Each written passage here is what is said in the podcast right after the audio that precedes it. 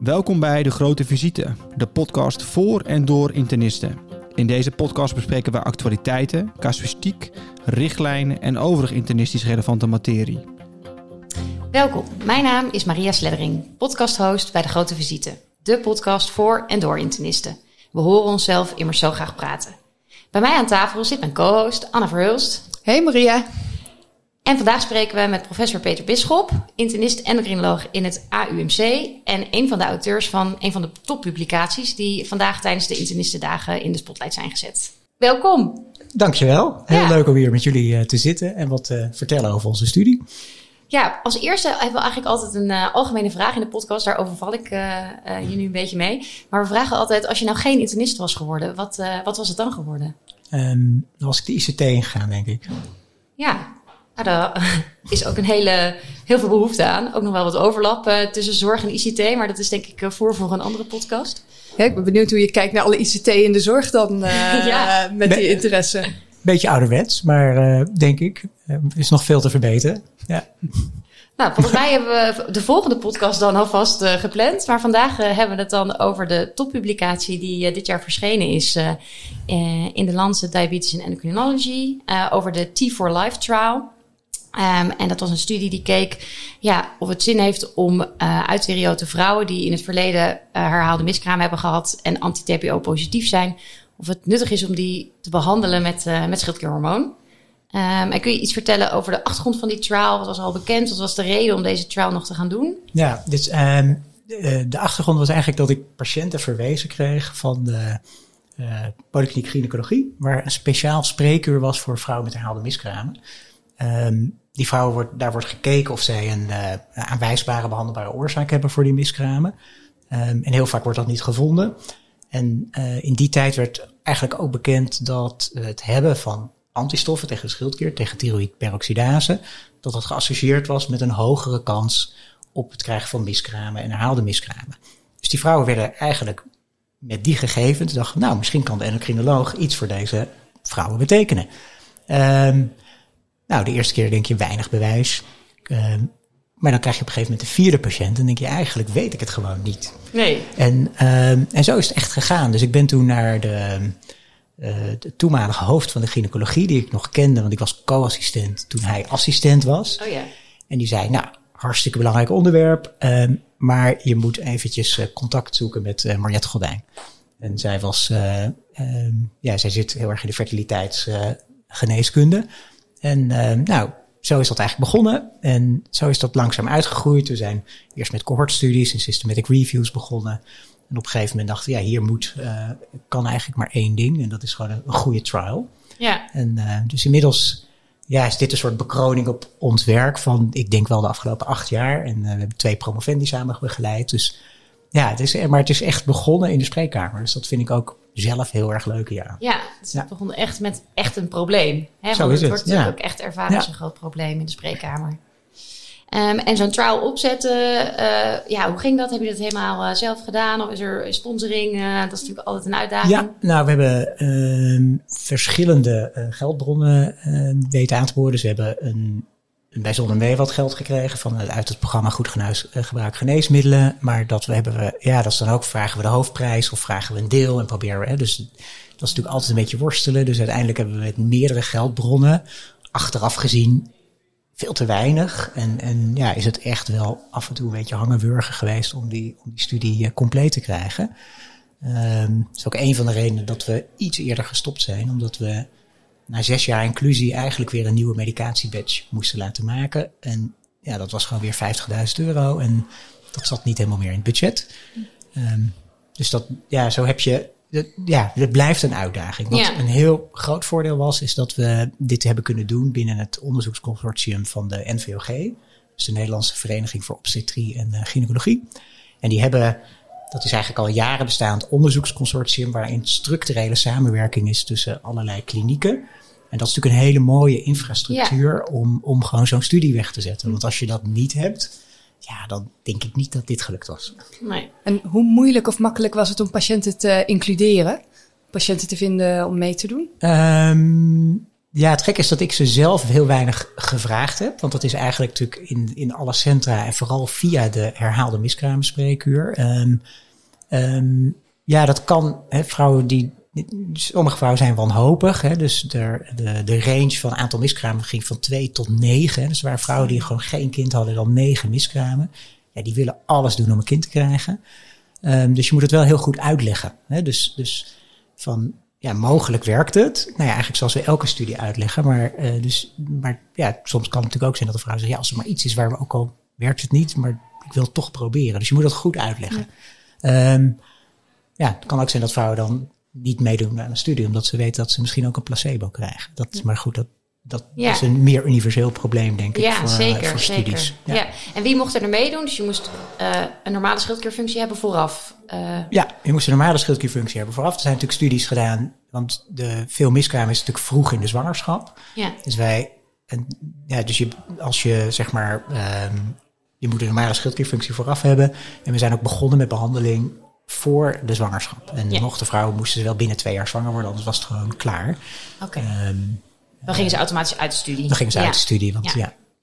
Oké. Okay. En hoe hebben jullie de dosering bepaald? Was dat een standaarddosis of uh, op basis van gewicht? Of? Ja, nou, ook dat was. Uh, we hebben uiteindelijk gekozen voor iets wat een uh, Italiaanse onderzoeker eerder had gedaan, waarbij we gedoseerd hebben op gewicht. Maar vrouwen die eigenlijk een TSH hadden wat bijna de ondergrens had, durfden we eigenlijk niet een een hogere dosis te geven. Dus we hebben een differentiatie gemaakt in de hoeveelheid microgram per kilogram op basis van het uitgangs-TSH. Okay. Dus vrouwen die al een heel laag normaal TSH, die kregen iets minder. En de vrouwen die een wat hoger normaal TSH hadden, kregen iets meer. Ja, en werd het dan ook nog aangepast gedurende de studie? Of was het een vaste dosis aan het begin die werd voortgezet? Het was vaste dosis, eigenlijk net als de tablet trial. Die deed trouwens niet die differentiatie, maar gewoon 50 microgram voor iedereen.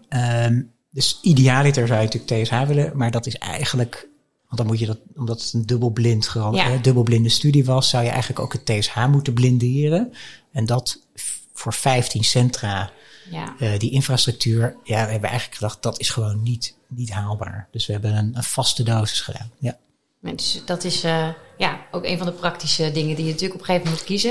En je gaat natuurlijk vanuit dat als je wat levothyroxine geeft, dat dat TSH zal dalen. Ja, en uiteindelijk denk ik, als we kijken naar wat er is gekomen, hè, zien we dat in de placebo-groep uh, acht vrouwen ook echt een subklinische hypothyreoïdie. Dus dat was ook het idee dat je door die antistoffen uh, en de toegenomen behoefte aan schildklierhormonen in de zwangerschap, dat je dan een ja, te langzaam werkend schildklier eigenlijk krijgt, dus een Ja. hoog TSH. Uh, en dat zagen we bij acht vrouwen in de placebo-groep en bij één in de interventiegroep. Dus ik denk Ja. wel, ja, dat, dat suggereert wel dat de interventie echt gedaan heeft wat, die, ja, wat we hoopten dat die ook zou doen. Ja, en die vrouwen die dan tijdens de zwangerschap alsnog een subklinische hypothyreoïdie ontwikkelden, die in de placebo-groep zaten, die gingen uit uh, Ja. de studie. Ook dat was een, bij het design van de studie een belangrijk discussiepunt. Je kunt kijken wat zegt de richtlijn, wat is, wat is gebruik, hè? wat is Ja. gebruikelijk, wat doen we normaal met een vrouw die eh, gaan we dan zeggen, nou je gaat gewoon door, hè? is dat, kan dat? En ja, uiteindelijk hebben we ge- gezegd, ja, wij denken eigenlijk dat dat gewoon met wat we weten op dat moment, en dat was alweer zeven, acht jaar geleden, hè, ehm, denken dat we dat niet kunnen verantwoorden Nee. om dat te doen. Eh, dat is een keuze die je Ja. maakt. Eh, Er zijn andere studies die andere keuzes hebben gemaakt, maar dit is de keuze die wij toen gemaakt hebben. Ja. En wat zagen jullie uiteindelijk, wat de belangrijkste uitkomst was? De belangrijkste uitkomst was live birth. Dus dat is eigenlijk een levend geboren kind. En ehm, ik heb heel veel geleerd van de gynaecoloog. Ik Ja. denk ook dat het goed is, juist die, die samenwerking met andere specialismen. Want daar, dat zijn toch dingen waar wij dan, waar ik als endocrinoloog toch gewoon minder van weet. En omgekeerd. Dus ik heb heel erg, die, die samenwerking was heel leuk en leerzaam. Ja, en live birth is eigenlijk het relevante uitkomstmaat. Hè? Want wat wil iemand? Een kind. Ja, En, geen eh, zwangerschap. en, en, en het voorkomen van miskraam maakt strikt genomen is, hè, maar uiteindelijk het echte waar het om gaat is dat je wel of niet een kind krijgt. En, Ja. eh, dus dat was onze primaire uitkomstmaat. Ja, meest klinisch relevante uitkomst eh, lijkt me. Ja. Ja. En dan natuurlijk de hamvraag. Wat waren de resultaten? Ja, dus dat was een beetje teleurstellend, als, althans in de zin, hè, de, eh, elke uitkomst is natuurlijk een uitkomst en geeft een antwoord. En, maar het zou natuurlijk leuk zijn en ook waardevol als je iets kan bieden wat wel Ja. die kans verlaagt. Maar dat, dat vonden we echt niet. Dus eh, er was geen, eh, ja, ook geen trend naar, eh, naar een positief effect. Ehm, ja, betekent ook dat dat schept ook wel weer helderheid. Hè? Want, want het was een, gewoon een open vraag. En nou, ik denk dat die vraag beantwoord is en dat je het gewoon niet moet doen. Ehm, en in, het, in het zoeken naar een publicatie voor die gegevens, was het nog lastig dat jullie een negatieve uitkomst hadden? Hebben jullie misschien zelfs nog overwogen om het niet te publiceren? Of, um... Dat laatste zeker niet. en uh, nee, ik, ik denk dat als je. Hè, wat, ja, wat, wat denk ik het mooie is van zo'n trial, als de, als de vraagstelling relevant is, uh, dan is de uitkomst altijd relevant. Ja. Of die nou negatief of positief is, want het heeft gewoon consequentie voor wat je in de dagelijkse praktijk doet. Dus, uh, dus ik denk ook wel dat, dat een negatieve studie niet, zeker niet um, um, heel veel moeilijker te publiceren is dan een, dan een positieve studie. En ik denk ook wel dat dat was vroeger misschien wel zo, hè, maar dat, dat is eigenlijk ook wat je nu.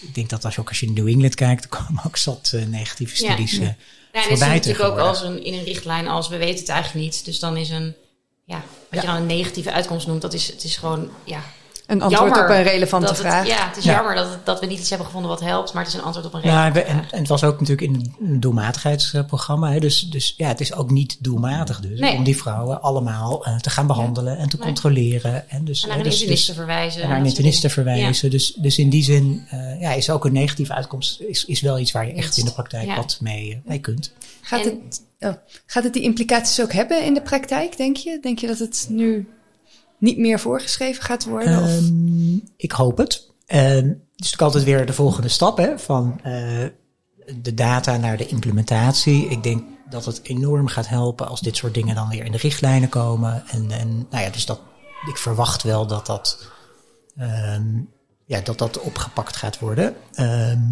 Wij zijn niet de enige studie, dus er zijn nog, nog twee grote gerandomiseerde studies die eigenlijk met, met net iets andere populatie uh, eigenlijk precies hetzelfde laten zien.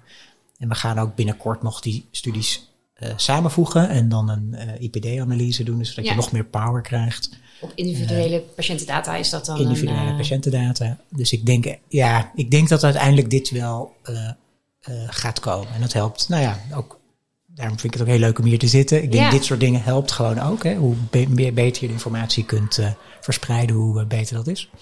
En ik, ik, loop op de poli dan wel eens tegen het probleem aan dat, dat het al gestart is. Dus door een fertiliteitsarts of uh, dat een fertiliteitsarts het heeft geadviseerd en dat een huisarts het met alle goede bedoelingen dan heeft voorgeschreven. Of misschien nog wel vaker mensen die in het buitenland zijn geweest voor een fertiliteitsbehandeling. En dan ja, zijn ze eenmaal zwanger op die medicatie en dan moet de huisarts er iets mee, dus dan zitten ze ja. bij ons. Ja, wat doe je dan? Stop je het dan weer? Ja, dan sta je 1-0 achter. Hè? Ja. Dat is bij heel veel dingen waar al een soort beslissing en een verwachting gewekt is. Um, ik denk dat je dat gewoon, zoals we wel meer met dingen doen, gewoon met de patiënt moet bespreken. En uh, ja, het is echt shared decision making. Hè? Als je denkt van ja, dit is echt niet zinnig, kun je dat natuurlijk prima bespreken. Um, het lastige is natuurlijk wel dat een andere dokter heeft gezegd, het is wel zinnig. Hè? Dus ja. ik, ja, dat, ik denk dat dat iets is wel om echt in de spreekkamer gewoon goed ja. uh, door. En ik zeg niet dat ik het dan altijd zou stoppen. Maar dat, nee. dat is ook gewoon de kwetsbare context waar je dan in zit. Hè, maar evidence-based zou je het eigenlijk moeten stoppen. Ja. Ja, ja. Zouden we het dan ook niet meer moeten meten?